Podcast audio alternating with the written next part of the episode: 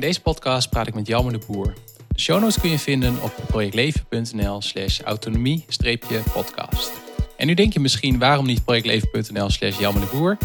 Nou, dat komt omdat die URL al bezet is. Want Jelmer is voor de tweede keer te gast in de Project Leven Show. De eerste keer was aflevering 21. Toen hadden we het onder meer over hoe je taart kan eten en toch een sixpack kan hebben.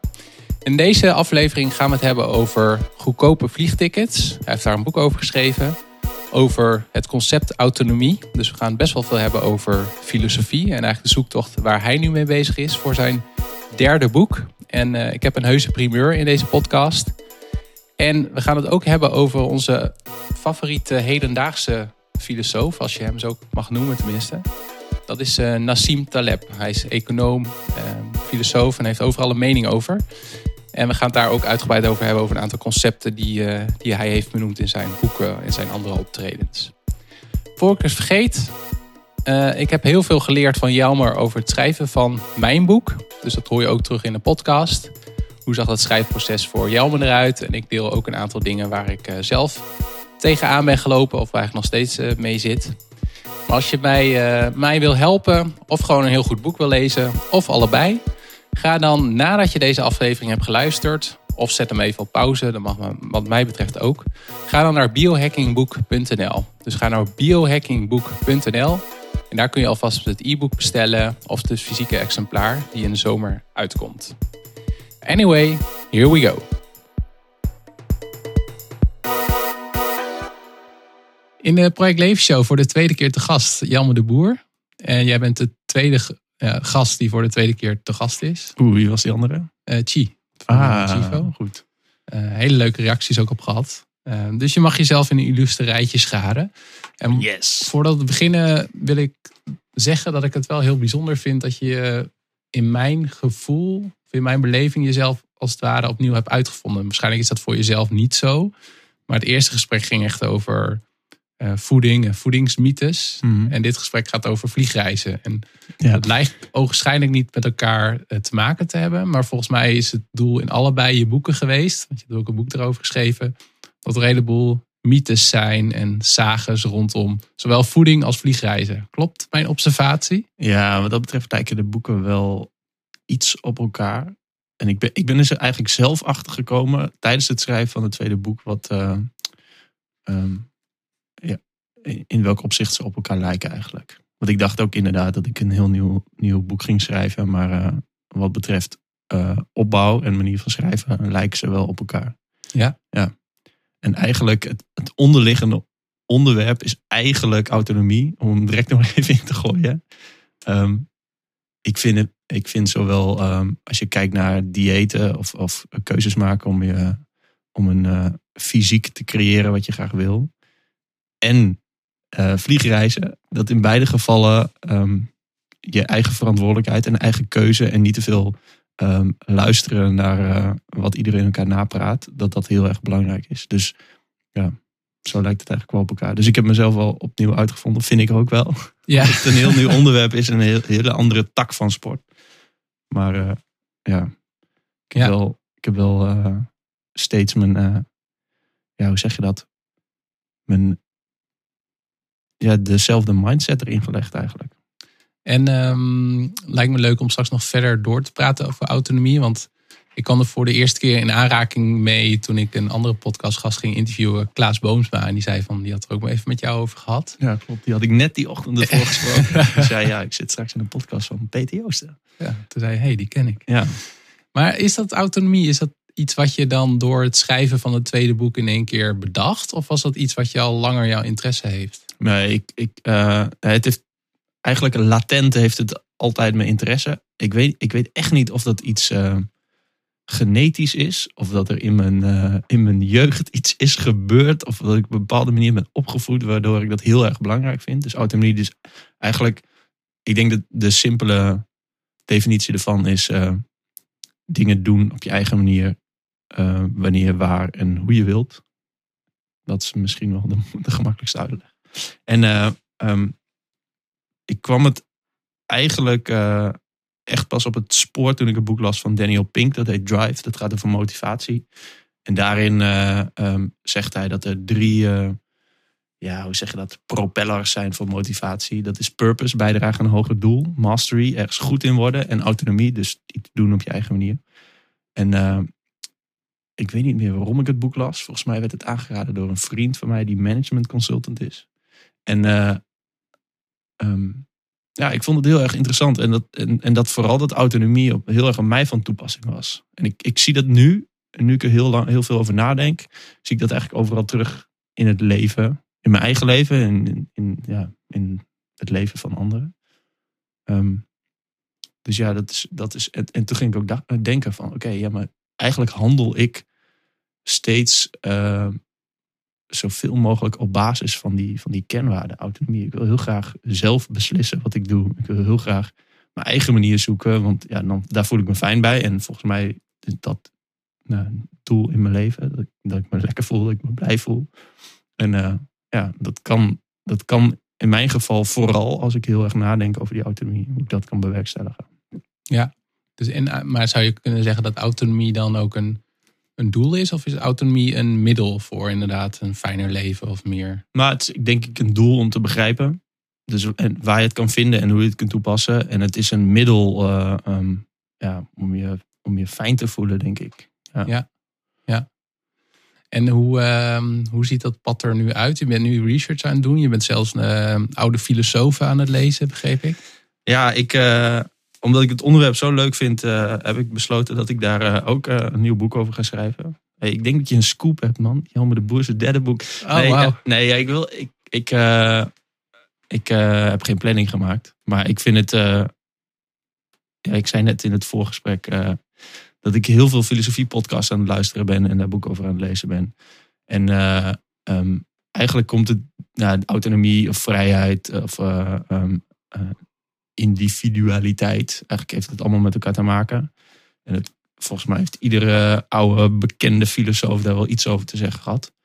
Dus ja, ik ben heel veel aan het lezen en aan het nadenken en dingen aan het schrijven. En dan uh, ja, op den duur zal er wel een boek uitkomen. En ik weet niet of het een handboek gaat worden, of het een boek met grapjes wordt, of dat ik een, een, een, uh, een heel specifiek onderwerp als haakje pak om, uh, om autonomie uit te leggen. Ik weet het nog niet. Nee ik luister zelf heel graag naar, maar dat komt ook van, dat is het thema waar ik nu ook professioneel veel mee doe. Met, uh, met de vooruitgang van technologie. Dus het gaat over technologie-ethiek en ook wel technologie-filosofie. Mm -hmm. um, dus luister heel graag naar Sam Harris met Waking Up. Maar ik was wel benieuwd, wat, wat zijn jouw favoriete uh, filosofie-podcast? Ja, wat, wat, ik ben echt hooked aan uh, Philosophize This van Stephen West. Um, ik ben nu alles zo'n beetje aan het luisteren. En sommige dingen, bijvoorbeeld de, de podcast over de Frankfurt School, dat zijn er zeven van een half uur. Die ben ik nu uh, voor de tweede en sommige voor de derde keer aan het luisteren. Omdat ik het heel, heel, heel um, goed wil snappen. Dus nu ben ik ook aan het meeschrijven hoe ik er dan zelf over denk. Um, en uh, wat haakjes zijn waar ik, wat mee kan. Dus eigenlijk, um, eigenlijk die. En um, op basis daarvan uh, ga ik uh, YouTube op. En dan als ik een uh, filosoof of een idee interessant vind, dan ga ik eigenlijk YouTube klein, korte filmpjes kijken. Over de ideeën daarvan. Um, ja, en bijvoorbeeld als we het hebben over die Frankfurt School, waar Steven West het over heeft, dan, heeft hij, dan benoemt hij filosoof Herbert Marcuse. Heeft een boek geschreven, The One Dimensional Man. En ja, dat boek heb ik gekocht het komt uit 1960, dus het is tering moeilijk om te lezen. Tenminste, ik vind het tering moeilijk om te lezen. Um, en dat boek gaat dus over. Uh, um, ik, ja, ik heb het nog niet uit, dus misschien moet ik niet de samenvatting geven. maar ik denk dat het gaat over waarom uh, um, mensen de hele dag aan het werk zijn. En werk doen wat ze niet leuk vinden. En vervolgens geld verdienen en spullen kopen die ze eigenlijk helemaal niet waar ze niet echt gelukkig van worden. En waarom dat cirkeltje de hele tijd doorgaat en mensen dat ook maar accepteren als normaal. Dus waarom mensen dan uh, waardering krijgen voor mensen die hard werken. Waarom mensen waardering krijgen voor mensen die veel spullen, krijgen, of, uh, spullen hebben. Dat is eigenlijk best wel raar.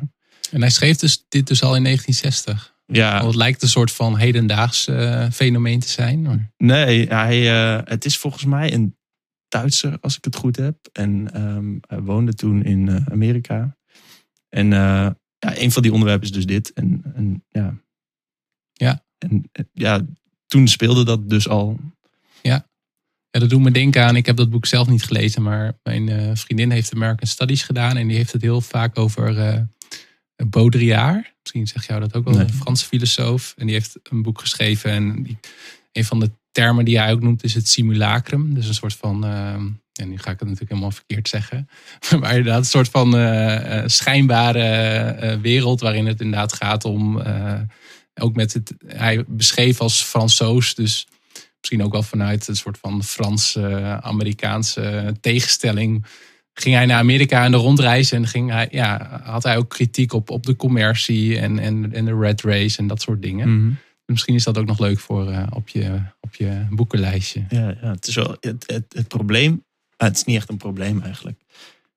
Het is nu gewoon. eh, nu kom ik op het punt dat ik erachter kom dat ik, dat ik sowieso niet alles ga kunnen weten over autonomie. Want er is zoveel, zoveel geschreven. Er zijn hele bibliotheken vol met denkwijzen erover en, en, aanknopingspunten. Dus eh, ja, ik ga gewoon. eh, ik, heb, ja, ik heb niet een plan. Dus ik, Nee. zet, ik zet hem wel even op mijn lijstje en dan. ja, misschien moet ik eerst even een YouTube filmpje kijken van 3,5 minuten erover. En, dan, eh, en hoe verhoudt eh, autonomie zich dan ten opzichte van ehm, egoïsme of individualiteit? En ik heb zo meteen een bruggetje. Oké. Ehm, eh, dat weet ik niet. Ik vind, ik vind dus ehm, egoïsme. Ik vind dat een heel moeilijk begrip. Omdat ik, net zoals arrogantie, vind ik dat, dat het. ja, it's in the eye of the beholder. Dus dat degene. Je, je vindt iemand arrogant omdat je. Ja, je- ik denk niet dat je volledig begrip hebt. In veel gevallen. Volgens mij kan arrogantie alleen bestaan. ehm, volgens mij kun je niet arrogant zijn. Je kunt alleen arrogant gevonden worden. En egoïsme, ja. Ik denk dat als een, eh, dat als een eh, boot vergaat en de kapitein hem eh, direct in zijn eentje in zo'n reddingsboot peert, dan, dan zal hij wel een egoïst zijn. Maar ook dat, ehm, ik vind ook egoïsme, ehm, ja, dit- ja, ik vind het een complex begrip. Dus ik denk dat het een heel, goed- heel goed een touchpoint heeft in de zin van dat autonomie een soort van, ik denk een virtue is. Voorrecht. Ja. Ja. En, eh, en egoïsme is denk ik, kan in heel veel gevallen een soort van onbegrepen autonomie zijn. Misschien dat ik, dat ik het zo zie. Hmm, ja, Ik weet het ook niet. Nee, precies. En Een plug voor je, voor je podcast. Want eh, een van de dingen, en dan komt het bruggetje van eh, een van de kritiekpunten die ik kreeg over je, je boek over vliegreizen, is van het is prachtig dat mensen goedkoper kunnen vliegreizen, maar wat, hoe zit het met, met het milieu en de CO2-uitstoot? Ja, vind ik, vind ik, eh, ik, ik weet niet of ik het goede kritiek vind. Maar ik vind het goed dat, mensen, dat heel veel mensen dat tegen mij zeggen. En eh, ehm, ja, dat klopt. Eigenlijk is het verschil dat heel veel mensen. Ik vind dat ook. Want ja, je kunt niet ontkennen dat het heel veel eh, eh, schade aan het milieu eh, veroorzaakt. Alleen. ehm, en ik vind ook dat er, dat er belasting geheven moet worden op vliegtickets. Ik vind het heel raar dat het er niet op zit. Ik vind ook dat kerosine, waar geen accijns op zit, dat daar accijns op moet. Het is ook heel vreemd dat dat, dat niet gebeurt. Ehm, alleen de, wat ik heel erg jammer vind, is dat mensen ehm, de discussie willen doodslaan eigenlijk. Er zijn maar twee opties, of er is eigenlijk maar één optie.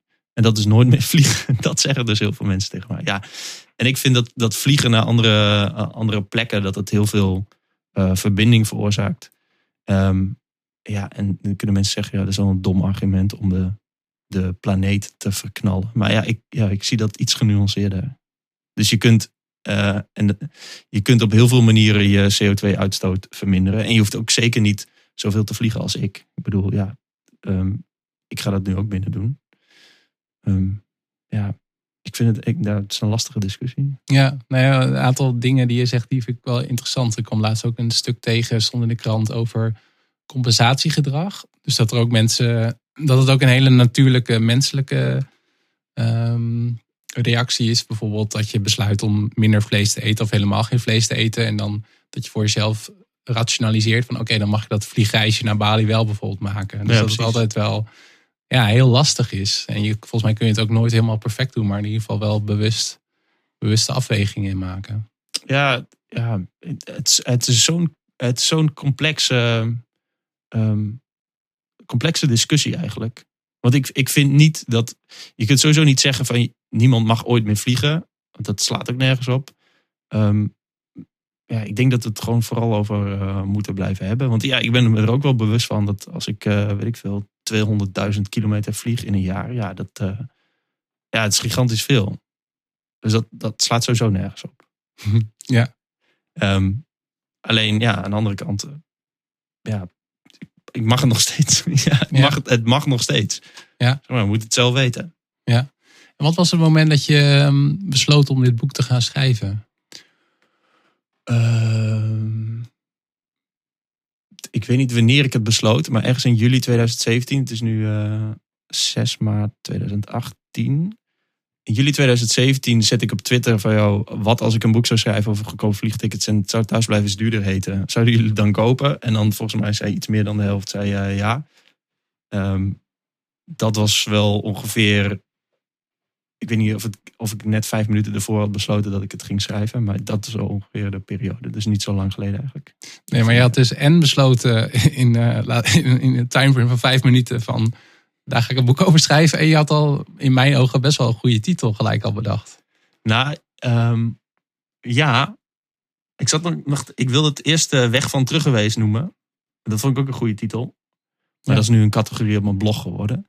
Maar, want ik Weg vind- van terug geweest. Ja, want ik vind reizen ja, vind ik een beetje een saaie categorie. Maar eh, ja, dat, dat thuisblijven is duurder is eigenlijk een, eh, een soort van gezegde wat, eh, wat in mijn vrienden groepschat tegen elkaar gezegd wordt. Want heel veel van mijn vrienden, die, die management consultant bijvoorbeeld, die moet de hele tijd over de hele wereld trainingen geven. En daarmee stoot hij hartstikke veel CO2 uit. En, eh, en andere vrienden, iedereen is eigenlijk een beetje op reis. En dan is het altijd, eh, dan wordt er weer een foto gestuurd dat iemand eh, ja, ergens een biertje zit te drinken. En dan is het meestal thuisblijven is duurder. Dat is een beetje, ja, zo zat het in mijn hoofd eigenlijk. En ik vind het wel geinig. Ik, ja, het sprak wel aan.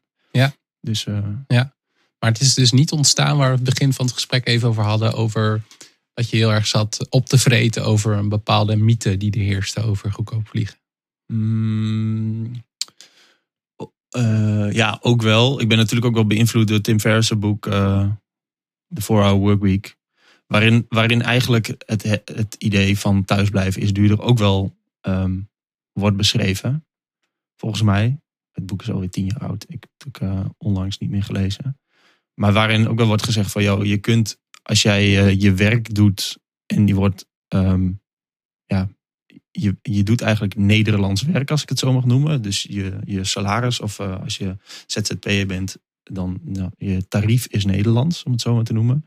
En je bent op een andere plek waar het levensonderhoud veel lager is. Ja, dan op een gegeven moment dan kun je door, eh, door dat verschil, is het ja, is thuisblijven inderdaad duurder.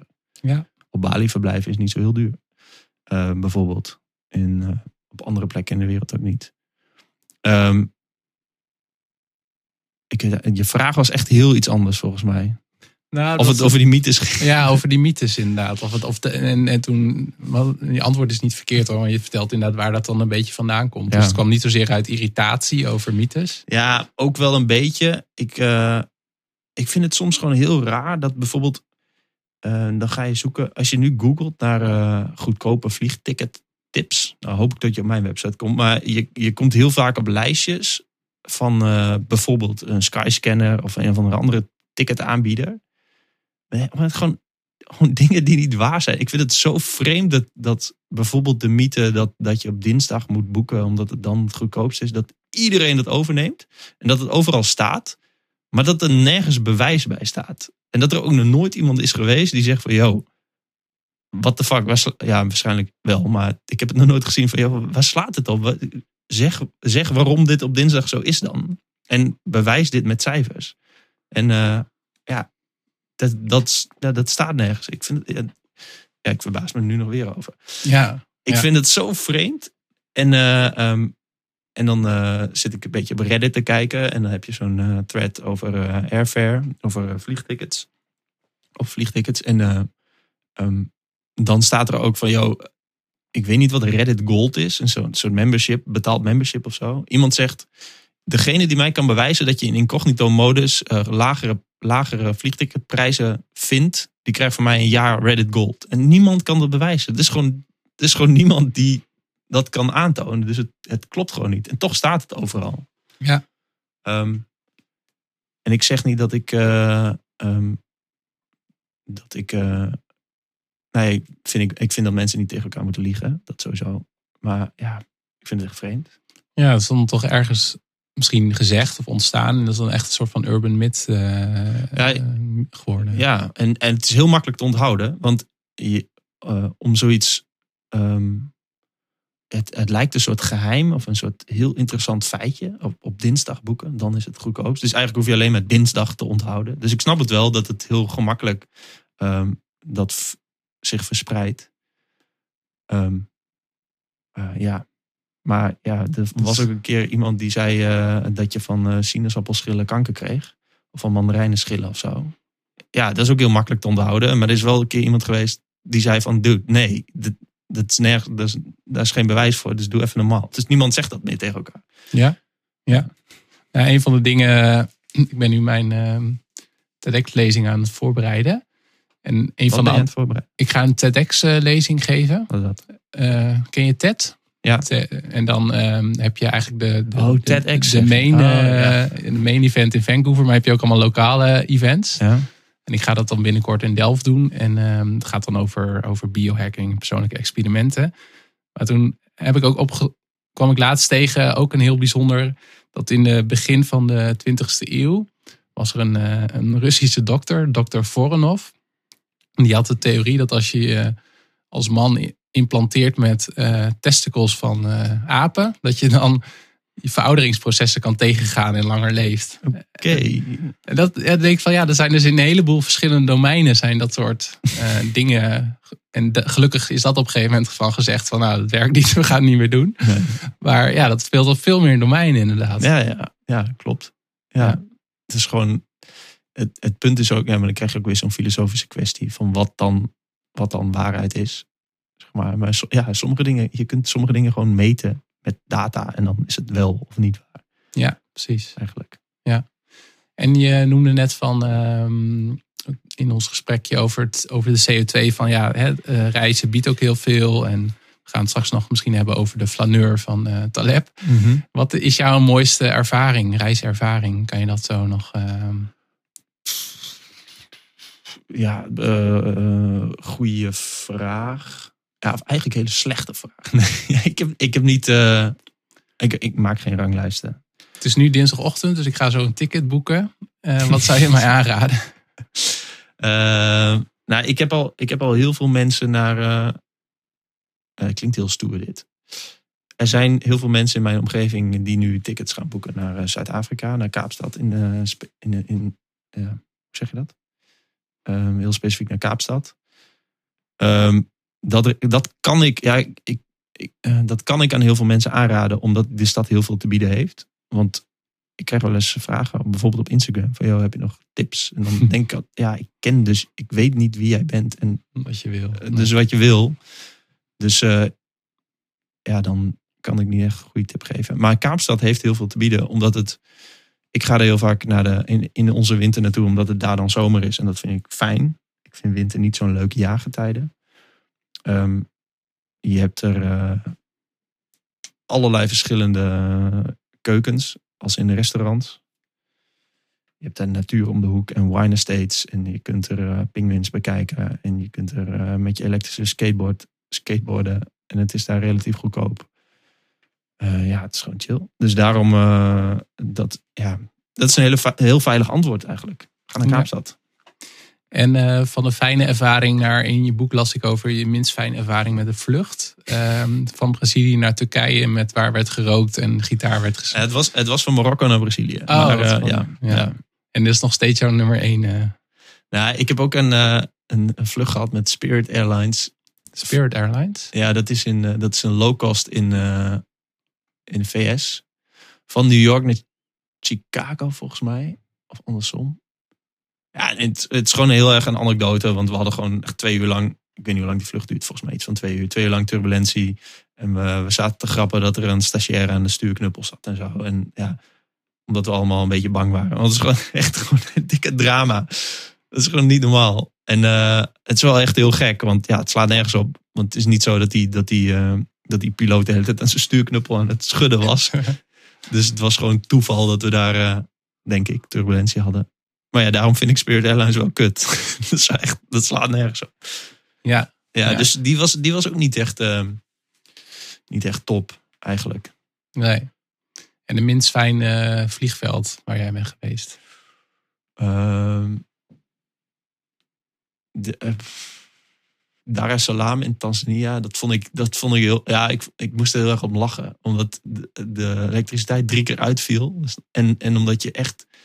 Je staat gewoon echt in een soort loods met allemaal rare gangetjes. En ik heb het idee dat iedereen gewoon overal langs kan lopen, langs beveiliging en zo. En als je, als je daar aankomt, moet je een briefje van 50 dollar in je paspoort doen. En dat gaat dan in een grote stapel met allemaal andere reizigers die je niet kent, gaat het dan naar een kantoortje. En dan komt het zonder dat briefje van 50 weer terug. En dan zeggen ze, yo, Jan met de boer. Ja, oké, bedankt, je mag het land in. Dat is echt... Ja, ik, vind Ja. Het, ja, ik vind het zo bijzonder. Ja. Dus eh, ja, maar en, en ja, ik vind de vervelendste luchthaven vind ik Heathrow. Omdat, ik, ja, omdat die gewoon zo groot is. En je de hele tijd in een bus zit. Ja, ik vind dat Ja, vind het niet zo fijn. Alleen ja, ik kan me ook wel voorstellen, als iedereen via Heathrow wil vliegen, dan moet je gewoon extra terminals bouwen. En dan wordt die, die luchthaven zo groot. Ja. Ja. Dus ja, ik, kan, er- ik heb daar, ja, kan er verder ook niet zoveel mee. nee, nee. En ik denk dat de meeste luisteraars die wonen in Nederland. Wat, ehm, doet, wat vind je van Schiphol? Is dat een beetje oké? Ja, ik vind Schiphol fantastisch. Omdat eh, ik vind dat Schiphol op veel gevallen echt mijlenver voorloopt. Eh, bijvoorbeeld eh, die ehm, veiligheidscontrole. Dat gaat altijd heel erg snel. En ik vind, eh, ik, ik- ja, de luisteraars moeten maar eens opletten. Dat de marechaussee, dus degene die je paspoort controleren. En eh, dat die altijd zo vriendelijk zijn. Dat die altijd zeggen welkom thuis. Ik vind het zo fijn. Dat vind ik heel lief. Je hoeft niet nog een eh, briefje van 50 euro Nee. te doen. Nee, maar het zijn geen, het zijn geen chagrijn- chagrijnige mensen. En dat vind ik, ja, ik weet niet, ik vind het heel erg fijn. Als je, ehm, je, hebt, je hebt heel veel luchthavens in landen waarvan je denkt van oké, jullie moeten heel veel hebben van, eh, eh, van toerisme. Ehm, dat is goed, tenminste, in veel gevallen goed voor het land. Als je, als je echt denkt aan geld. Ehm, en, dan, en dan zitten er van die chagrijnige, luie, boze, irritante mensen jou eh, te verwelkomen.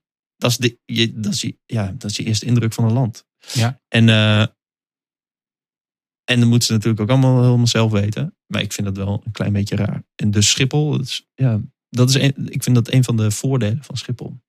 Een nadeel van Schiphol is wel is dat je als je terugkomt, dat iedereen opeens weer Nederlands praat. En dat je opeens weer gesprekken kan afluisteren. En denkt, ik wil dit helemaal, niet horen. Oh ja, ja. Ja. ja. ja. ik vind het ook wel een bijzondere wereld, Schiphol. Als je daar ook bent en eh, als ik er ben in ieder geval, is het eh, altijd druk. En mensen van ja, over de hele wereld. En het is een soort van eigen wereldje of zo, heb ik Ja. soms het idee. Ja, maar ik- ja, ja, dat klopt. Ja, dat is eigenlijk elke, elke luchthaven wel. Ehm, omdat iedereen er samenkomt natuurlijk. Maar vooral Schiphol is omdat er heel veel mensen overstappen. En Dus- heb je een andere favoriete lucht, ehm, ehm, luchthaven? Ehm, pff, mm, weet niet. Ja, ik vind Hongkong wel op een mooie plek liggen. Oh ja, Ja, er liggen bergen omheen. En eh, ja, dat vind ik wel mooi. ja precies. Ja. Ja. Maar niet, niet in de zin van faciliteiten of zo. Dat je, Nee, nou ja, eh, laatst vlogen we business class met Qatar eh, van Amsterdam naar eh, Tokio. En dan heb je een overstap in Doha in Qatar. Ja, en toen zaten we in die lounge daar. En dat, ja, dat is gewoon helemaal fantastisch. Omdat het heel erg luxe is en Ja. mooi. En je kunt er even lekker douchen. En ja, het is gewoon, ja, het is heel chill. gewoon kosten nog moeite gespaard in, eh, in dat land. Nou ja, in principe zit het, zit het in je ticketprijs. Ik weet niet of het in mijn ticketprijs zat, zat die keer, maar ehm, ja, dat vond ik wel tof. Alleen ja, ik, heb- ja het, het boeit me eigenlijk niet zo heel veel hoe een, hoe een eh, luchthaven eruit ziet. Ik vind alleen dat we blij mogen zijn dat we in Nederland wonen en dat, dat we Schiphol als luchthaven hebben. Dus eh, ja, ik vind het echt fijn. En eh, misschien een hele technische vraag. Ehm, want ik heb, ehm, toen ik jouw boek nog niet... Ik, had, ik heb Flying Blue eh, membership. Maar jij zegt eigenlijk dat is niet zo slim om te doen. Maar moet ik dan bij een andere... eh, moet ik me dan ergens anders aanmelden in dat hele Sky-team gebeuren? Of, Ehm, dus het gaat over punten sparen Ja, voor ja, de ja. luisteraars. Het is, een, het is een complex antwoord. Er zijn heel veel mensen die Flying Blue bij het loyaliteitsprogramma van KLM zitten. Dat heet Flying Blue. Het is trouwens ook van Kenya Airways en van een of andere luchthaven, of, uh, luchtvaartmaatschappij in Nieuw-Caledonië. En Air France, volgens mij ook. Ehm, dus dat is heel logisch. Ik vlieg met KLM, dus ik spaar punten bij Flying Blue. Ehm, ja, dat ja, moet je ook vooral zelf weten. Alleen je kunt dus bijvoorbeeld ook bij een, uh, een, een uh, luchtvaartmaatschappij uit de alliantie van KLM. Dus de alliantie is SkyTeam. Daar horen dan heel veel luchtvaartmaatschappijen bij die samenwerken. Dus je kunt bijvoorbeeld ook als je met KLM vliegt, juist je punten gaan sparen bij bijvoorbeeld Delta. Het, het loyaliteitsprogramma van Delta, het SkyMiles. Het voordeel daarvan is, is dat je vaak voor dezelfde vlucht meer punten bij Delta kunt sparen dan bij KLM. Soms is dat ook wel omgedraaid hoor, maar in heel veel gevallen niet. Omdat KLM en Flying Blue dus. Omdat Flying Blue heel vaak heel weinig punten geeft. En het is ook niet zo dat je voor één mail één punt spaart. Dat heeft met allerlei dingen te maken. Uh, bijvoorbeeld de boekingsklasse um, of je status bij een uh, loyaliteitsprogramma. Dus als je een hogere status hebt, krijg je vaak bonus. Um, dus in dat geval, ja, en, en KLM is echt, het, uh, Flying Blue is echt het voorbeeld van, die doen echt alles verkeerd. Dus die geven heel weinig miles voor het of heel weinig punten voor het aantal miles dat je hebt gevlogen. En je kunt ze ook nog heel slecht inwisselen. Dus je hebt ook niet zo heel veel animaals. Dus als je eenmaal zoveel duizend miles hebt gespaard, dan kun je er eigenlijk helemaal niet zo heel veel mee. En volgens mij verlopen de, de punten van Flying Blue ook sneller dan die van Delta. Want die van Delta kun je for, forever bewaren. Tenzij ze hun voorwaarden wijzigen ooit nog een keer. En die van KLM vervallen tenzij je weer een vlucht neemt met KLM binnen twee jaar. Volgens mij zijn dat de regels en pin me er niet op vast. Het is uh, 6 maart 2018, dus jullie mogen, jullie mogen checken. Um, nou, dat is eigenlijk het antwoord. Um, en, en ik ben ook helemaal niet zo heel goed in, in het maals Ik kom net kijken in maals en punten sparen. En ik heb, ik heb bij sommige airlines net iets hogere status. Dus ik, uh, ik, ik heb dat uh, het puntenspaarwiel ook niet uitgevonden. Alleen uh, het, is, het loont echt om um, altijd punten te sparen. Omdat je er altijd wat aan kunt hebben. Um, en daarvoor wel het juiste programma te kiezen. Dus even wat onderzoek doen. Oké, wat zijn de allianties? Er zijn drie hele grote. Um, dat zijn uh, One World, SkyTeam en Star Alliance. En welke airlines horen erbij? Dus stel je bent een, een businessreiziger en je vliegt vaak met KLM. Nou, misschien loont het dan wel, omdat je dan vaak ook in een hogere boekingsklasse een ticket hebt, om bij, juist bij Delta te sparen. En dat kan gewoon. Je moet alleen wel je, fly, uh, frequent flyer nummer opgeven bij je boeking. Of later je boarding pass laten zien en dat ze dat dan bijschrijven. Ja. Ja. Om een voorbeeld te geven, ik, uh, uh, Emirates heeft zijn eigen programma. Die hoort niet echt bij een alliantie. En ik heb, uh, volgens mij was het in 2015, een, maakte ik een trip via, van Amsterdam naar Dubai en toen naar uh, Dar es Salaam, naar uh, Tanzania. En toen weer via Dubai naar Sri Lanka en toen weer via Dubai naar Nederland. En, en ik heb volgens mij nog één of twee andere vluchten met Emirates geboekt. Maar wel mijn punten daar gespaard bij hun programma. En die punten verlopen ook op 30 april van dit jaar. En ik had er precies genoeg om een, om een business class ticket uh, met die punten te boeken van Bangkok naar Hongkong. Daar ben ik over twee weken. Dus ik kom, ik kom precies want ik ben in Bangkok en ik moest naar Hongkong. Maar ik heb dat wel zo gepland, omdat, ik graag dat business class ticket wilde. Dus ik vlieg nu voor 19,59 euro in business class van Bangkok naar Hongkong. In die A380 met die bar aan boord en zo. En dat vind ik dan mooi. Maar dat komt wel omdat ik gewoon... Het enige wat ik toen heb gedaan is een, een, een account daar aanmaken. En mijn, mijn uh, frequent flyer nummer heb, heb ik ingevoerd. En nu dacht ik van, oh ja, ik heb die punten ook nog. En ik wil een trip in Zuidoost-Azië. Misschien kan ik daar iets mee. En nu leeft het wat op dat het eigenlijk heel erg fijn is. Ja. Dus het kost heel weinig moeite uh, om het maar even te doen, eigenlijk. Ja. Dus mijn tip is sowieso... Gewoon doen. Ja, gewoon doen. En het, het maakt er niet uit als je bij Flying Blue een, een, uh, een account hebt. Dan moet je het zelf weten. Alleen het punt is dat uh, op de lange termijn heb je daar dus steeds minder aan. Als je het bijvoorbeeld, bijvoorbeeld vergelijkt met Delta. Ja, ja. En dat is ook wel een van de um, dingen die ik uit jouw boek heb gehaald tot nu toe. Dat het niet zozeer als je naar een vlucht, als je een vlucht wil boeken van uh, stad A naar stad B, dat, dat het niet alleen gaat om de prijs, maar ook van wat is uh, de tijd dat je aankomt, uh, wat is de airline, kun je misschien ook nog punten scoren. Dus dat er veel ja. meer verschillende factoren eigenlijk zijn. Ja, het, het, het lastige om, om te snappen, denk ik, het lastigste, is dat als je, als je zoekt op eh, vliegtickets, eh, je kunt, het wordt automatisch gesorteerd op prijs. Eigenlijk. En dat is, het staat ook het grootste in beeld. Dus dat is het, het is ook het logischst om daar naar te kijken. Alleen als je verder kijkt, ja, het is wel uh, chillen dat je niet om drie uur s'nachts moet vliegen tot zeven uur s ochtends. En eigenlijk niet kan slapen bijvoorbeeld. Of een nacht mist, zoiets. Of dat je een ticket boekt dat misschien een tientje duurder is, maar waarbij je dus heel veel miles spaart. Heel veel meer miles. Um, of bijvoorbeeld een ticket boekt met een airline die bijvoorbeeld in die SkyTeam alliantie zit. Omdat je daar punten spaart. in plaats van dat je een ticket boekt met een Starlines airline omdat je daar um, nog geen punt hebt gespaard, bijvoorbeeld. Dus uh, er zijn ook heel veel mensen die gewoon het liefst alleen met One World vliegen. Dus bijvoorbeeld alleen met British Airways, Qatar, uh, Finnair, wat, American Airlines, wat zit er allemaal bij. Dus er komt zoveel bij kijken eigenlijk. Um, en ja, ik vind dat zelf heel erg inter interessant. Het is een puzzel die eigenlijk nooit stopt. Dus, en ik vind puzzelen leuk. Volgens mij vinden heel veel mensen dat leuk in welke vorm dan ook. Um, dus ja, het is niet alleen uh, van A naar B voor de laagste prijs. Dus daarom, uh, ik zeg ook in mijn boek, er is niet een de goedkoopste ticket.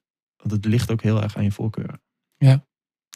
En wat heb je zelf geleerd door het schrijven van dit boek? Wat je het meest verraste of aansprak? Um, nou, ja, ik kom er altijd weer achter dat als je iets probeert op te schrijven, um, of iets probeert uit te leggen, dat er, er blijft altijd zoveel over wat je dan zelf niet weet, of nog niet weet, of ja, maar besluit om niet verder uit te zoeken, omdat het boek anders veel te dik wordt of nergens meer over gaat. Ja, dat, ik kom daar steeds, steeds meer achter. Dat je zeg maar, dat er, dat er te veel is om te weten. En ik, ja, ik vind dat het lastigste. Van oké, ik, ik, ja, waar moet ik dan stoppen met uitleggen in mijn boek? Hoeveel is er uh, geschrapt uiteindelijk? Um, nou ja, uh, niet veel van de geschreven tekst, maar wel uh, um, van, de, van de outline die ik had gemaakt. Ja, ik weet niet hoeveel procent dat is. Geen idee. Kun je een voorbeeld geven van een onderdeel wat het dus niet, nou, kut niet heeft gehaald? Ik weet niet of dit precies illustreert wat ik net zei, van, van veel uitleggen. Maar dit is een hoofdstuk. Je had vorig jaar op, volgens mij was het ja, ergens in april, 9 april of zo, was er een, uh, een man op een United Airlines vlucht. Die werd er hardhandig uitgetrapt. Oh, ja. Dr. Dao was dat. En ik wilde eigenlijk aan de hand van dat voorbeeld uitleggen wat, uh, wat overboeken is in een, in een vliegtuig. En ik wilde ook eigenlijk, um, ja, ik wilde daar een positieve draai aan geven. En ik had daar een heel stuk over geschreven. En ja, dat, dat heeft het uiteindelijk niet gehaald. Ik dacht, ja, ik publiceer het nog wel een keer op mijn blog. Heb ik ook niet gedaan. Um, ja, maar ja, zoiets. Um, en ik wilde eigenlijk nog uh, uh, mijn eigen, mijn, al mijn reis van 2016, 2017, wat ik op mijn blog heb staan, heb ik, heb ik daar, uh, ik heb van alle reizen de prijs waar ik heb geboekt, wanneer ik heb geboekt en um, ja, met welke airline en eigenlijk hoeveel punten ik heb gespaard. Uh, heb ik op mijn blog staan. Ik dacht, ja, dat ga ik ook toevoegen in mijn boek. Maar toen dacht ik later, net als alle plaatjes van alle exotische bestemmingen. Ja, dat is eigenlijk niet het boek wat ik wil schrijven. Want dan wordt het, ja, ik weet niet. Dat, ik weet niet precies wat de reden daarvan was. Show-off of niet relevant voor? Omdat... Ja, nee, het begon een beetje te lijken op een, op een, uh, op een luchtig um, school- of le leer- of theorieboek. En ik vond het wel mooi. En ik dacht, als ik nu allemaal plaatjes van dat ik in mijn zwembroek op een of ander uh, strand in Panama. Ja, het slaat eigenlijk nergens op om dat toe te voegen. En net als, net als mijn eigen, net als die reizen bijvoorbeeld. Ik kan wel een specifieke reis gaan uh, toevoegen. Maar ik, ja, ik vind niet dat het, dat het past in het boek. Ja. Dus dat heeft het niet uh, ja. gehaald. Ik ben zelf nu ook bezig met het uh, schrijven van een boek. En, um, Heet maar... het het Project Levenboek? Nee, nee. Oh. Biohackingboek.nl. Okay. Ah. dus mensen gaan er nu naartoe. Al... nu? Uh, Pre-order, ja. Ik heb ook uh, de, een site gemaakt met een opbouw zoals, uh, zoals jij hem had. Ja, ja, Maar ik heb daar toestemming voor gevraagd. Ja, ja, ja. Nee, ik vind het fantastisch. Want ehm, ja, kun je daar wat over vertellen? Dus twee dingen eigenlijk. Van, je hebt A besloten om het boek in eigen beheer uit te brengen. En B heb je ook een site opgezet en een pre-order opgezet. Mhm. Ehm, hoe is dat bevallen? Ja, echt fantastisch eigenlijk. Ik ben er heel erg eh, blij mee dat ik dat project zo heb gedaan. De, als we het hebben over autonomie, dan eh, is dit weer een heel mooi bruggetje terug. Ik heb hiervoor een boek geschreven. Nou, ja, we hebben daarover gepodcast. ehm, bij een uitgever. En eh, ja, samen met een uitgever, dat is mooi. Want dan heb je een editor en dan heb je iemand die een planning voor je bepaalt. En dan ga je nadenken over marketing en dat soort dingen. En zij gaan de hort op om naar boekhandels te gaan om dat boek te verkopen. Ehm, alleen, ja, ik, ik kreeg daar niet, een, niet altijd een fijn gevoel bij, omdat ik niet de regie had. En omdat ik niet zelf kon bepalen ja, hoe, hoe zeg maar dat proces ging. En het punt is, is dat ik dan ook, als ik dan in gesprek ben met mensen, ook helemaal nooit, nooit echt mijn mening laat blijken of zo. Ik heb dan altijd zoiets van, oké, laat maar, doen jullie het maar. Terwijl ik dan ook nog steeds een kutgevoel heb. Dus dat, dat is iets waar ik zelf aan moet werken. en eh, als ik het zelf doe, dacht ik, oké, nou, ik kan wel een websiteje maken. Dus dan leg ik gewoon uit waar het boek over gaat. En dan kunnen mensen daar pre-orderen. En toen ehm, ja, ehm, was er iemand die een eh, ideal betaling voor me had gefixt. En eh, konden mensen opeens betalen. En kwam er opeens wat geld binnen van mensen die pre-orderden. En dat, dat was echt zo'n balletje wat ging rollen. En dan ging ik iedere week ging ik updates sturen over het proces. Ehm, dus ja, ik, ik kreeg heel veel motivatie van. En heel veel zin om te schrijven. En ik leerde allemaal nieuwe mensen kennen. En ik leerde nieuwe dingen ehm, doen. Ik forceerde me eigenlijk door dit eh, proces om ja, het werk of, eh, ehm, te blijven schrijven. Dus ja, dat was eigenlijk, eigenlijk waren er alleen maar pluspunten. Een paar, een paar dingen die niet echt goed uitpakten. Zijn bijvoorbeeld dat het boek nu niet bij boekhandels ligt. Maar ja, dat is nog een volgende stap. Ja, maar dan ben je wel van plan. Nou ja, boekhandels in Nederland ehm, eh, verwachten eigenlijk een boekhandelskorting. En die is 40 of 42 procent van de verkoopprijs. Ja, en ik vind dat belachelijk. Ehm, want Want dat is hun marge, toch? Ja. Van, ja.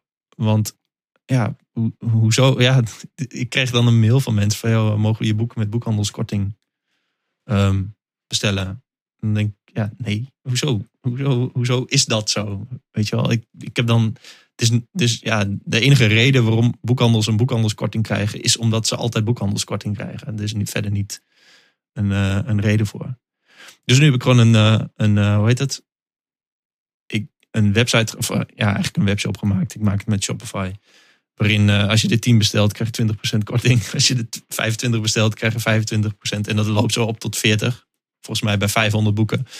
Ja, ik vind dat wel een mooie marge. En ja, als, als je 42% wil, ja, fijne wedstrijd. Dat mag, dat mag niet.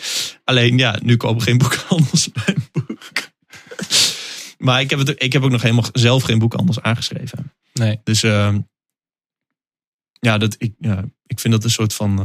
eh, ik vind het wel leuk om zo'n strijd te voeren, ook al ben ik hem kwijt aan het verliezen. Maar ik moet er nog beter en beter over nadenken. Een soort van eh, principe, ja. Ja, het is best, wel- het is best wel raar hoor, want bijvoorbeeld bol.com vraagt dan 45% van de verkoopprijs. Ehm, omdat zij ja, veel macht hebben, omdat zij een hele, de grootste boekhandel van Nederland zijn. Ehm, en dat is een goed recht, dat moeten ze ook zelf weten. Maar eh, ja, ik vind dat ze lekker de tering kunnen krijgen. dat ze, ja. Dus ik moet, ik moet een, eh, een eh, andere manier zoeken eh, waarop die marge niet zo, zo hoog is. Hoe zagen je schrijfdagen eruit? Of had je geen schrijfdagen of ochtenden? Ehm goeie vraag. Ehm, ik ben er. Het was wel verschillend hoor. Want soms dat het dan een avondje was of een ochtendje of wat dagen achter elkaar. Ik ben er wel achter gekomen dat voor mij, wat voor mij het beste werkt, is eh, een hele lege agenda. Dus echt ook niet eens kleine dingetjes 's middags of zo. Dat er gewoon eh, niks staat. En dat het enige waar ik dan aan denk is dat het boek. En dan dat. Dus die hele lege agenda met, met zeeën van ruimte. En dan maar 2000 woorden per dag willen schrijven. En eh 2000 woorden is, ik denk een pagina of acht of zo. Als je een beetje de standaard instellingen. Ik weet niet of ik dat goed zeg. Ehm, ja, zoiets. Ehm, dus ja, ik hou sowieso niet echt van, eh, van eh, plannen. Of bedenken van, joh, nu ga ik dit doen. En morgen ga ik dat doen. En overmorgen ga ik dat doen. En over twee weken heb ik dit. Ehm, dus ja, wat voor mij goed werkt, is die lege agenda. En eh, mezelf niet te veel forceren. Maar wat wel, wat wel wat een tip is, wat volgens mij heel veel schrijvers zeggen in hun boeken over hoe je een boek moet schrijven. Of in, in podcast of in blogpost. Dat van ehm, een specifiek aantal woorden opschrijven. Dus bijvoorbeeld die 2000. En het is niet erg als het niet goed is. Dus wel blijven schrijven, omdat, dan wat er in je hoofd staat, dat het in ieder geval op papier komt en je kunt het nog duizend keer editen. Maar dan staat het in ieder geval, dan is er al iets. Ja. En daar had ik in het begin heel veel moeite mee, omdat ik, als ik bijvoorbeeld uh, en dan wilde ik een hoofdstuk schrijven en dan ging het niet. Dan, dan kwam ik zeg maar niet op het, op het punt wat ik wilde maken. En dan dacht ik van ah, laat me zitten. En dan stopte ik. Terwijl ja, als ik nou was door gaan schrijven en dan in ieder geval, dan kwam ik in ieder geval verder dan dat wanneer ik was gestopt. Um, ik weet niet of ik het goed uitleg. Maar dat is, uh, dat is wat ik heb geleerd. Dus dat, Ja. en, en, en dat helpt nu bijvoorbeeld ook met mijn, met mijn blog. Uh, is dat ik, als ik een idee heb over iets wat ik als ik iets wil wat ik wil schrijven, is dat ik het is dat ik gewoon een stuk over schrijf. Wat totaal niet goed is voor publicatie. Maar dan heb ik het in ieder geval geschreven. En als ik dan nog een keer lees, misschien uh, dat ik dan in één keer die blogpost kan schrijven. Dus nu heb ik heel veel meer concepten klaarstaan voor mijn blog. Dan dat ik eerder had. Eerder was het misschien een lijstje met ideeën. Uh, wel uitgeschreven. Of uh, dingen in mijn hoofd. Nou ja, die gaan sowieso weg. Dus nu, ja, het helpt wel met, met, met ideeën op papier krijgen. Ja. Maar ben je dan uh, perfectionist? Dat dat eerder wat lastiger was? Of? Ja, weet ik niet. Soms wel, soms niet. Ik wil graag dingen goed doen. Alleen uh, ik vind het dus ook bijvoorbeeld met dat boek heel chill. Dat ik iets de wereld in slingen. En dat mensen daarop kunnen reageren. En zeggen van, joh, dit uh, moet je nog even aanpassen. Of dit slaat nergens op. Of dit, haha, dit is grappig. En dat ik dan denk, oh ja, dat is ongeveer de richting wat mensen tof vinden. En dat past ook wel bij wat ik zelf wil. Dus ja, in principe, in principe ben ik wel een perfectionist. Behalve soms. Ja. ja. Wat ik zelf wel moeilijk vind is uh, die editingslag. Dus ik heb wel mensen die mij daar ook bij helpen. Maar ik was gewoon heel blij dat het gewoon de first shitty draft, dat dat gewoon op een gegeven moment stond. En toen had ik ook zoiets van, nou nu is het klaar. Mm -hmm. Maar ik vind het dan best wel moeilijk om er dan nog een keer doorheen te gaan. En echt uh, kritisch te kijken van wat heeft toegevoegde waarde, wat niet, wat ja. niet anders. Ja, dat vind ik ook. Omdat je, sowieso sta je, of tenminste heb ik, sta, sta ik me blind op, uh, op taal- en stijlfouten. Daar las ik gewoon overheen. Ik dacht, nou, zo is het wel goed. En dan de mensen die die pre-orderden konden dus mij meehelpen. En op een gegeven moment waren er nog 300 comments of zo in mijn boek. Waarvan ik zelf dacht van, oh, dit staat denk ik niks meer in. wat verkeerd is. En dat sowieso. Ja, en op een gegeven moment als het project zo lang... Of, ja, het duurde niet heel lang, maar ik was er wel veel mee bezig. Dan, dan je staat je een beetje blind, zeg maar, op, uh, op het project. Dus het verschil tussen wat je op papier hebt staan en wat je in je hoofd hebt, of hoe je zelf denkt, of wat je ooit nog misschien ergens anders op je blog hebt gepubliceerd of zo. Dat wordt één grote warboel. Dus dan denk je misschien een compleet boek te hebben, maar uh, het kan ook maar zo zijn dat er nog echt essentiële informatie in mist. Overigens, voor de, de, het eerste hoofdstuk of het eerste deel mijn boek, uh, luchtvaartschool, is uh, denk ik 90% geschreven door iemand anders. Door Ted. Dat is een vriend van mij die daar heel veel kennis over heeft. En heel goed mijn manier van schrijven Um, zijn manier van schrijven sluit aan met die van mij. Um, dus dat was heel erg fijn. Dat was echt het stukje essentiële informatie waar ik zeg maar nooit aan gedacht had. En toen er opeens aan dacht en vroeg van, joh Ted, kun je me helpen? Ja, zo is dat tot, tot stand gekomen. Ja. Shout-out Ted. ja. En um, um, dat klinkt een soort van uh, schrijver op de sofa. Maar ik ben wel... Een van de dingen waar ik bijvoorbeeld ook uh, tegenaan liep is van dat ik zo erg in het onderwerp zit dat ik het ook lastig vind om daar dan bovenuit te stijgen en mm-hmm. mensen in, in het onderwerp te introduceren. Eigenlijk net wat jij vertelt van hè, het is wel belangrijk om eerst de luchtvaartschool te weten voordat je die andere dingen kan ja. doen. Had je, merkte je dat ook bij jezelf? Dat je... Ja, dat, dat klopt wel, ja. Um, het is, ja, omdat, en dat is met, met mijn vorige boek ook, Etaat krijgen sixpack, wat gaat over afslanken. Um, dat, het is zo lastig om, uh, om te weten wat je als soort van intro moet vertellen voordat je die eh, kern gaat vertellen. Want nu, jij gaat een boek schrijven over dingen waar je al heel lang eh, in zit. Je spreekt met allemaal mensen, met allemaal expertise. Ehm, je leest waarschijnlijk vet veel boeken, neem ik aan. En eh, je luistert zelf allemaal podcasts. En je, je spreekt daarover. Dus je zit, zit helemaal in die wereld. En, en, en dan moet je op een gegeven moment weer, oké, denk van, oké, voor wie schrijf ik dit boek? Dus wat moeten die mensen ehm, weten van tevoren? En ik moet zeggen dat door het project wat ik deed, het was wel open, maar die feedback kreeg ik niet echt. Dus ja, het is best wel lastig om dan. Lijkt me ook best wel lastig om feedback te geven. Van joh, ik snap dit nog niet, dus kun je dat nog even uitleggen? Ik denk Ja. dat het niet zo makkelijk is. Maar ja, ehm, om je vraag te beantwoorden, ja, het is wel. eh, het, het- dat is echt heel lastig. Ja. Om, eh, om die basisinformatie erin te krijgen.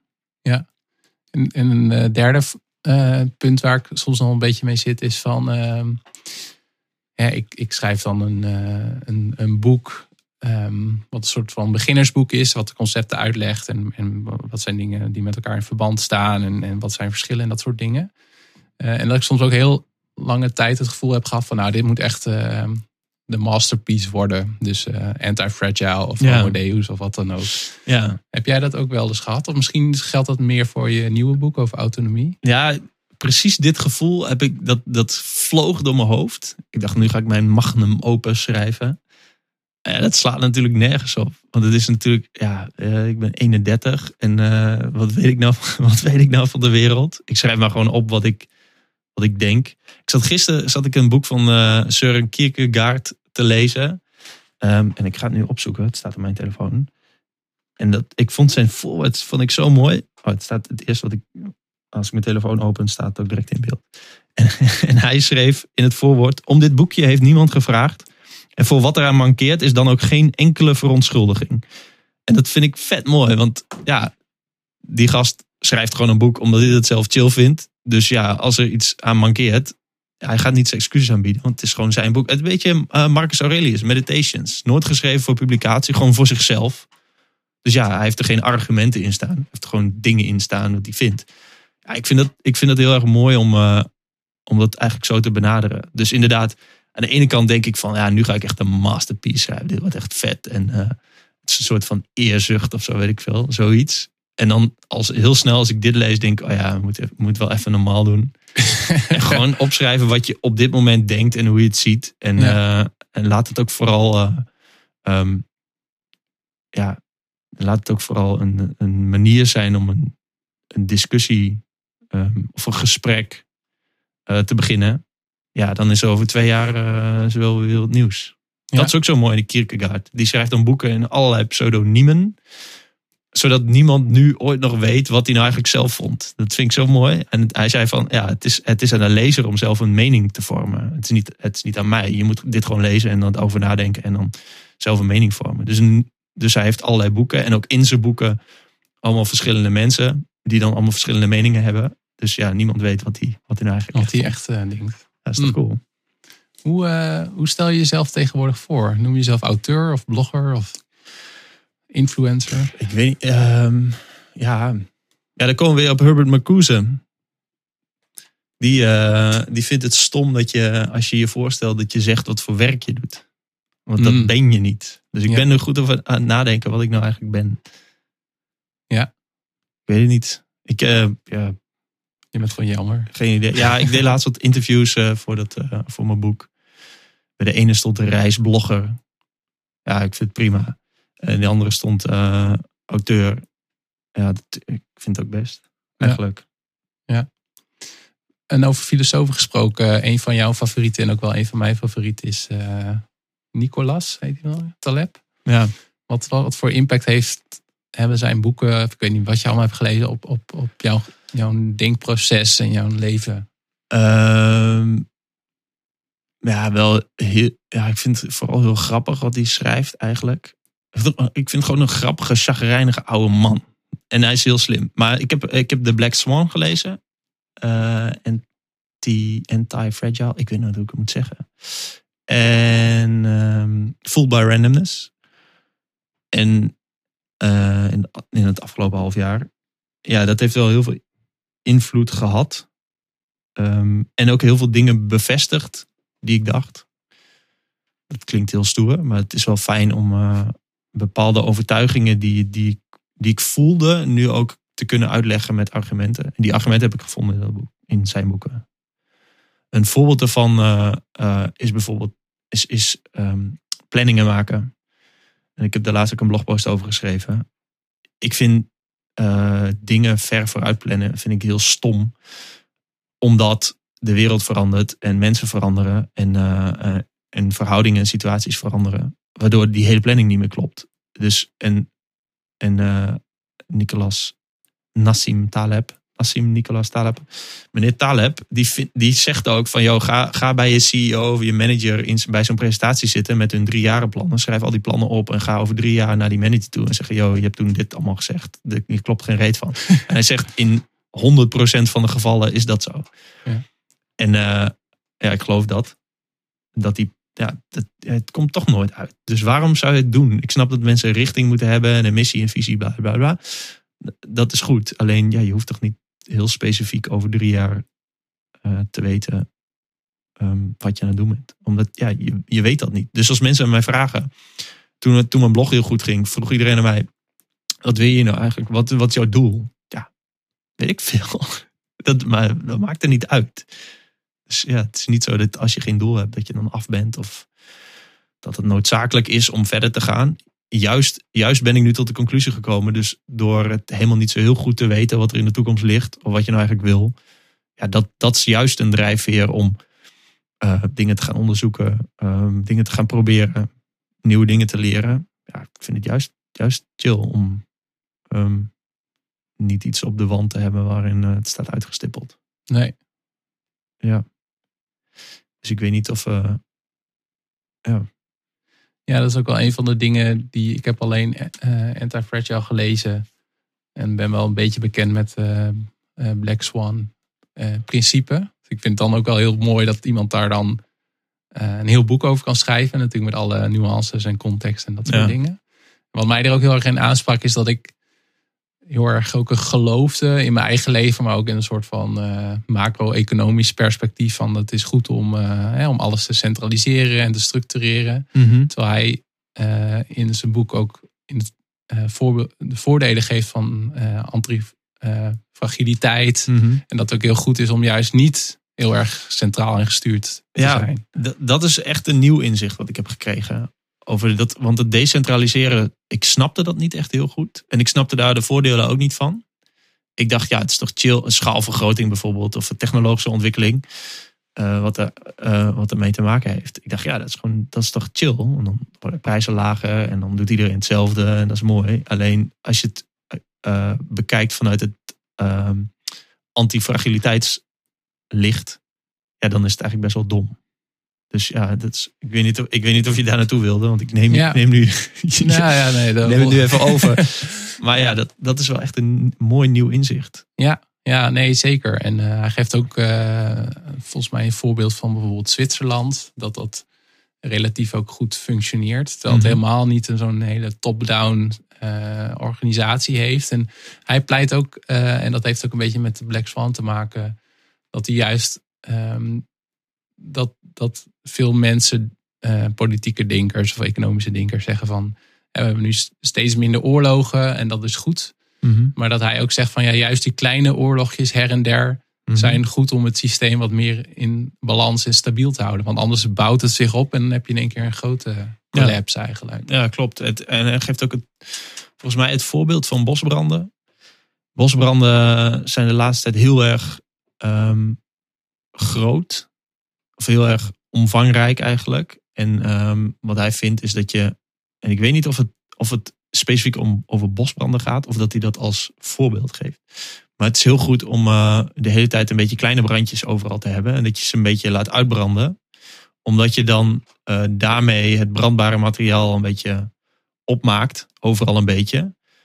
In plaats van als je dat de hele tijd gaat blussen. Dan blijft overal brandbaar materiaal liggen. En dan als het in één keer niet goed gaat, dan fikt de hele teringzooi af. Dus beter kun je overal een beetje soms kleine bosbrandjes hebben. Waardoor het een beetje stabiel blijft. Ja, precies, ja. Uh, ik vind het wel, ja, dat is zo'n mooie, um, ja, hoe zeg je dat? Analogie voor allerlei andere dingen. Ja, ja. Een van de dingen die mij ook uh, wel een beetje aan het denken zet is uh, wat hij dan noemt neomania. Dat hij um, niet zozeer is tegen vooruitgang, maar daar wel een soort van tegen ageert. En dat hij ook het voorbeeld aanhaalt van, ehm, van boeken. Mm -hmm. Dus dat hij zegt van ja, je kan veel beter boeken lezen die veel ouder zijn. Want die hebben een soort van de, stoet de test of time. En Ja. In plaats van uh, achter de laatste, niet no offense tegen jouw boek of mijn boek, naar de laatste hypes te gaan van de meest ja, recente auteurs. Nou ja, het zit ook heel wat in inderdaad. En sowieso, uh, dat, is, dat is ook waar heel veel filosofen het over hebben. Over die, uh, die drang naar technologische vooruitgang. Ja, het lijkt, het lijkt allemaal goed. Maar uh, om met de woorden van Theo Maassen te spreken. Computers lossen alleen maar problemen op die er niet bestonden zonder dat apparaat. Um, dat is natuurlijk niet helemaal waar, maar het is wel iets om over na te denken. Ja, ja absoluut. Ja. Ja. ja dus ik probeer daar zelf ook uh, mijn vinger achter te krijgen. En ook inderdaad wat jij een tijdje terug zei van verschillende visies te horen. En aan de ene kant heb je de echte technologie-utopisten die verwachten dat we alle problemen van de klimaatcrisis tot uh, door kweekvlees bijvoorbeeld kunnen oplossen. Mhm. En aan de andere kant inderdaad mensen zoals Taleb, Taleb die zeggen van uh, je moet ook niet blind staren op technologie. En ook. Um, nee. nee. Nee, want ja, dat, dat vind ik ook niet. En ik, ja, ik, weet, ik weet niet of je het vooruitgang kan noemen. Dus, maar dat is iets waar ik, waar ik net achter ben gekomen. Dus dat. Um, en ik, ik weet niet meer. Misschien was het ook wel de Frankfurt School. Die, uh, die heel erg tegen technologische of, of hyper nee, technologische vooruitgang zijn. Hmm. Hyper, hypertechnologische. Iets wat heel extreem is. En van, vanuit welk principe dan? Vanuit. Um, nou ja, dat, dat, dat je zeg maar alleen maar kijkt naar wat. Oké, okay, het voorbeeld is um, um, dat je en ik heb daar laatst ook een blogpost over geschreven. En dat was aan de hand van volgens mij een, een podcast van Steven West, Philosophize This. Stel je maakt uh, piefjes of, of uh, klokken. En je kunt, tien klok, ja, je kunt tien klokken in een uur maken of tien klokken per dag. En dan verdien je je boterham mee. En dan op een gegeven moment kom je erachter dat je er ook met een technologische vooruitgang twintig kan maken. Maar wat, en dan verdien je twee keer zoveel. Maar wat ga je dan doen? Ga je dan de helft van de tijd je klokken blijven maken, heb je gewoon precies hetzelfde salaris. En dan ja, heb je de helft van de tijd, weet ik veel, ga je boeken lezen of in de natuur een beetje een rondje lopen. Ja. Of ga je dan die 20 maken en op zoek naar een manier om er 40 te kunnen maken. Maar nou, dat is best wel vreemd eigenlijk. Dus die, die constante drang naar efficiëntie, dat het als je efficiënter gaat werken, betekent niet dat je minder gaat werken. Je gaat gewoon meer doen in dezelfde tijd. Ja. En, en dat is eigenlijk. En ik, nogmaals, ik zit er net in, dus misschien dat ik dingen helemaal verkeerd uitleg of dingen verkeerd heb uh, begrepen. Maar dat vind ik een hele interessante gedachte.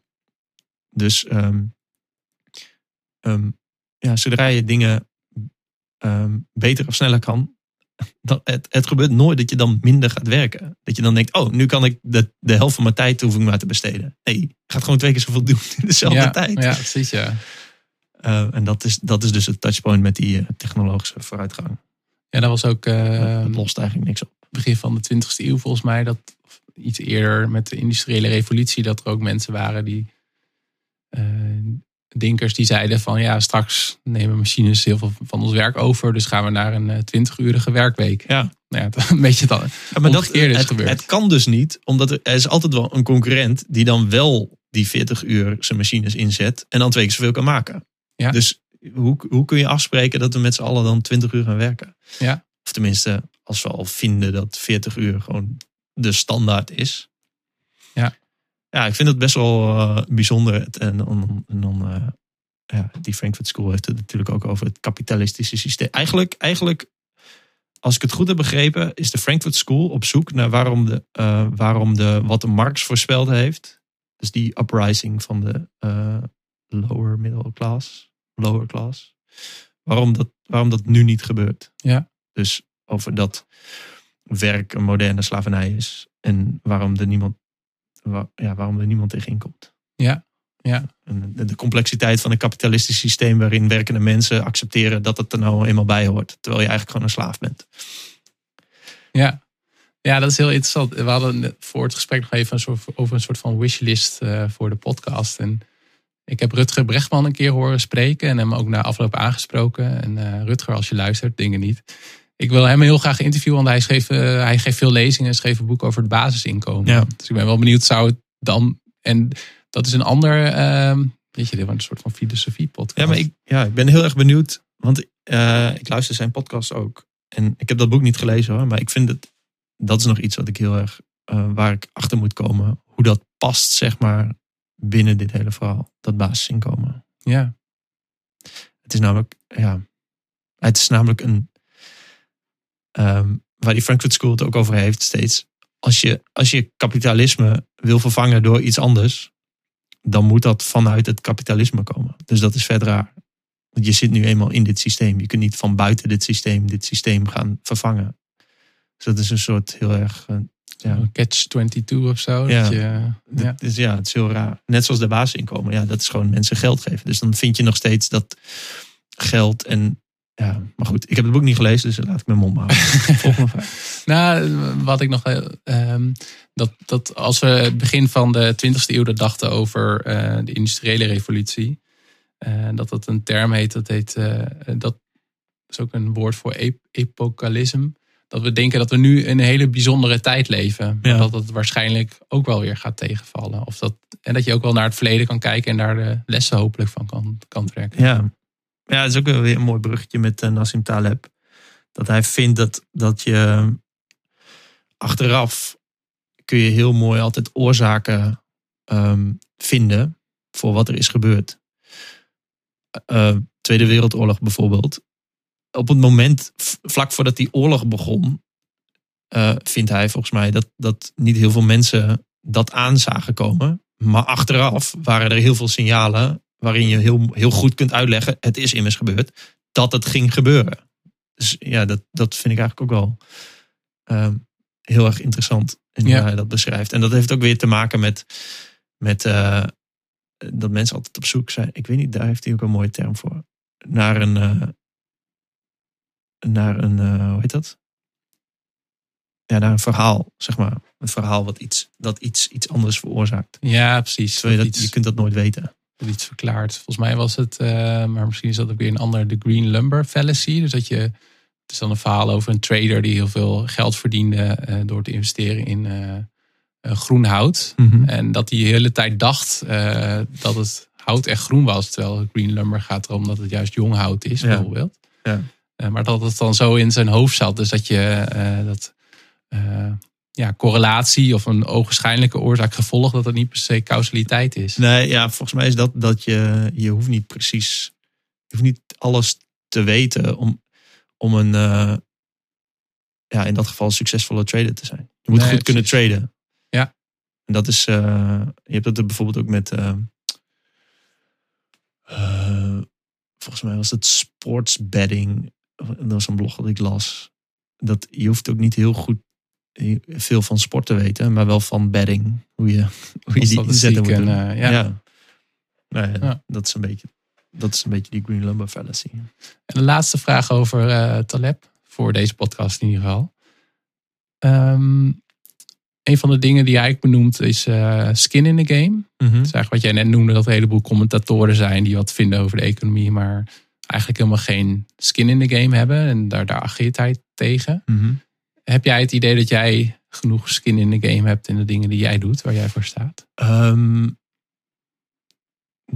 Die- Wow. Dus eh, in alles? nee, als je bijvoorbeeld eh, kijkt naar het vorige boek, Eet taart krijg sixpack. Dat gaat over afslanken. Ik heb daar heel veel skin in the game, aangezien ik bij Personal Body Plan werk. En we eh, meerdere duizenden mensen begeleiden. Dus, dus ik weet wel ongeveer wat, wat er speelt in zo'n proces. En wat belangrijk is en wat niet. En wat valkuilen zijn en wat niet. En ik heb allemaal experts om me heen die mij daar dingen over kunnen vertellen. Dus ik vind dat ik daar skin in the game heb. Als je het hebt over die vliegreizen, ja, ik heb dat zelf allemaal ervaren. En eh, ehm, ik heb ook mensen om mij heen die ik nog dingen kan vragen. Ik vind dat ik daar ook wel skin in the game in heb. En als we, als we denken aan autonomie, en ja, weet ik niet eigenlijk. Ja, ik doe wel heel veel dingen zelf op, Ja. op mijn eigen manier. Ehm, ja. Maar ik weet, ik, weet niet, ik weet niet helemaal precies wat, het, wat, het, eh, wat de term betekent. Aangezien dat nieuwe boek van hem, Skin in the Game, is 28 februari uitgekomen. Een week geleden. En ik heb hem nog niet gelezen. Nee. Maar ik heb wel, weet je wat wel mooi was van Nassim Taleb? Hij heeft dat boek geschreven, Skin in the Game, waarin hij zegt van jou, bijvoorbeeld dat eh, ehm, ehm, boekreviewers, die zeggen altijd iets over een boek, maar die worden nooit weer zeg maar daarop aangesproken. Net zoals eh restaurantreviews of zo. Misschien is dat anders. Maar boekreviews. Maar wat die Nassim Taleb nu heeft gedaan, hij heeft drie boekreviews van zijn boek. En hij gaat die reviewers reviewen. Dus hij heeft nu een blog geschreven. En dan eh, hij brandt die mensen helemaal af. Van ja, jullie hebben het dus niet begrepen. Want ik zeg dit en dit en dit. En jij zegt dit en dit in je review. Ah, ik vind dat vet mooi. Dat maakt, dat maakt het zo prachtig. Het is gewoon, ja. Hij noemt een, een review van The Guardian ook iemand die niet heeft opgelet op de basisschool. Dat soort dingen. Dat is helemaal, helemaal mooi. Neemt geen blad voor de mond, die man. Ja. Maar hij is ook ja, onafhankelijke denker. Dat spreekt me ook wel aan. eh, ja. Ja. Maar dat skin in the game, in the game principe, als het betekent van ja, je mag pas eh, je mond opentrekken over iets als je er wel, als je er schade of uh, wat is het tegenovergestelde van schade, Profijt? profijt van kunt hebben, dan mag je er pas wat over zeggen. Ik weet niet of je dat bedoelt, maar dat lijkt mij dat. Ja, dat is in ieder geval hoe ik ook eh, het heb geïnterpreteerd. Ja. Ja. Ja, ik vind het wel een mooi principe. Ik ben ook wel benieuwd naar dat, eh, naar dat boek. En ja, maar is er iets eh, in het afgelopen jaar geweest, ehm, afgezien van filosofie en vliegreizen en je nieuw project en, en Taleb, wat je ook nog tof vindt om nog te, te vertellen? Wat ik tof vind om te vertellen. Ehm, ja, dat is een eh, hele goede eh, vraag. Wow, ja, weet ik niet, man. Dat hoeft ook niet. Ehm, nee. Mm, Hoe bevalt je eigen podcast? Mijn eigen podcast. Ja, ik vind het. eh, ik, vind, ik durf soms mensen niet uit te nodigen, man. Dat vind ik heel lastig. Mm. Ik denk dan altijd, ja, je wil vast niet. Maar ja, ja, dat kunnen ze ook gewoon zeggen, natuurlijk. ja, precies. nou ja, bijvoorbeeld, eh eergisteren, eh, ik zat een, eh, een documentaire te ki- kijken van Petrus. Dat is een van de gasten van Cinemates. Waarin hij, volgens mij heet zijn documentaire Perfectie is Perceptie. Waarin hij in drie maanden ehm, alles op alles zet om een, een onderbroekenmodel te zijn. En zijn boodschap is eigenlijk van jou, ook al zien mensen eruit alsof ze gelukkig zijn. Ze zijn niet echt gelukkig, want dit is wat je ervoor moet doen en moet laten. En die boodschap vind ik heel goed. Alleen de manier waarop hij laat zien, vind ik heel erg zwart-wit. En ik hou daar niet zo van. Dus ik stuurde hem een bericht. Of eigenlijk stuurde ik op Twitter een soort van... Net niet bericht naar hem, maar wel zoiets. Zo Van, joh, ik zou graag met Ed volg Petrus willen podcasten. Want ik ben het niet echt met hem eens. Maar ik ben wel op zoek naar een gulden middenweg. Toen zei hij, joh, lijkt me echt super vet. ja, dat is... En ja, ik moet eerlijk zeggen, dat, ik durfde eigenlijk hem niet te vragen. Dus daarom denk ik het op deze manier. Ja. Ja. het is zo raar dat ik dat, ja, ik weet niet. Ik voel me dan bezwaard of zo. Ja. Ik denk Ja. dat de mensen denken, ja, donder op met je podcast. Ja, grappig. Waar komt dat vandaan? Ehm, mm, ja, weet niet. Want ik vind, vind jou voor de rest wel een hele auto, ja, autonome. eh, het lijkt in ieder geval, maar dat hadden we in het vorige gesprek ook al een beetje over. Wel iemand die een. Nou, die waarschijnlijk daar minder moeite mee heeft en daar wat, misschien wat makkelijk overheen stapt. Ja, ik weet niet, ik weet, ik weet niet of mensen dat... ehm, eh, ik weet niet hoeveel mensen me echt kennen. Maar wat ik, waar ik echt heel veel moeite mee heb, is eh hulpvraag van andere mensen. Hm. En dat, ja, dat, dat is denk ik... Het, eh, aan de ene kant is autonomie vind ik iets heel moois. Aan de andere kant uit het zich dus ook in dit soort dingen. Dat ik, ja, dat ik niet heel graag bijvoorbeeld iemand uitnodig voor mijn podcast. Of als ik ergens mee zit, iemand vraagt van... jou kun je me helpen met dit? Ik, ja, voel ik me bezwaard. Ja, ja, ja, nee, interessant. Ja. En eh, ook wat me ook nog even opviel is, ehm, ik had heel netjes een eh, lijstje met vragen via Google Drive met jou gedeeld of zelfs gemaild. Maar je probeert ook een beetje van de e-mail af te komen. Ja, ja. Lukt Klopt. dat? Nee, Daar heb ik ook net over gepubliceerd. Ik ben echt on fire op mijn blog. Nee, ik heb net gepubliceerd eh, dat het niet echt is gelukt. Alleen het had twee oorzaken. Ehm, de oorzaken waren dat ik gewoon een nieuwsbrief heb die ik stuur. Stuurde eigenlijk. En waar mensen op reageerden en ik daar weer op reageerde. Dus eigenlijk stop ik dan niet met e-mailen. En vervolgens schreef ik een boek. Wat ook een e-maillijst had. Waarop mensen reageerden. Waar ik weer op reageerde. Dus dat stopt e-mail ook niet echt. En plus door dat boekproject. ehm, ja, ik moet dus contacten leggen met bijvoorbeeld een drukker. Of bijvoorbeeld iemand die de verzending doet. Of eh, een boekhandel die mij mailt van, joh, kan ik, mijn boek, eh, kan ik het boek bestellen? En dan ja, moet ik daarop reageren. Want het kan, het kan eigenlijk niet anders. Dus eh, daarom lukt het nog niet echt om te stoppen met e-mailen. Maar ehm, ik heb nog wel hoop. Want ik ben me nu de hele tijd nog steeds aan het uitschrijven voor al die eh, perslijsten en eh, e-mail nieuwsbrieven en zo. Ehm, en ik heb een eh, autoresponder aan dat ik geen e-mail meer gebruik. Dus dat je e-mail niet is aangekomen. Terwijl hij is wel aangekomen, maar ik zeg dat gewoon tegen mensen. Ja. Dus ik denk dat het nog wel even een jaartje duurt voordat ik er uiteindelijk mee gestopt ben. Ja, precies. Ja. ja, het is ook wel wat jij zegt, een soort van infra. Dus je kan, dat is wel leuk, want je kan natuurlijk al heel autonoom willen zijn. En als je jouw lijn doortrekt eh, in een, ergens in een bos gaan wonen, eh, los van elektriciteit en water en dat soort dingen. Maar voor sommige dingen, ja, is de hele omgeving en infrastructuur daar wel op ingericht. In Ja. bijvoorbeeld eh, e-mail. Ja, dat is wel een van de dingen die ik als notitie heb staan. Van oké, tot, tot op welke manier is autonomie extremisme? Dus tot wanneer past het in een leven, wat een leven dan ook mag zijn? Ik vind het wel interessant. Ja. Ja. Sorry. En eh, ehm, mensen die. ehm, ehm, ja, je bent een mens door interactie met andere mensen. Dus, en autonomie betekent ook niet eh, individueel. Aut- Autonomie betekent dat je je eigen beslissingen neemt. Vind ik. Dus eh, Maar wel goed geïnformeerd met de hulp van anderen.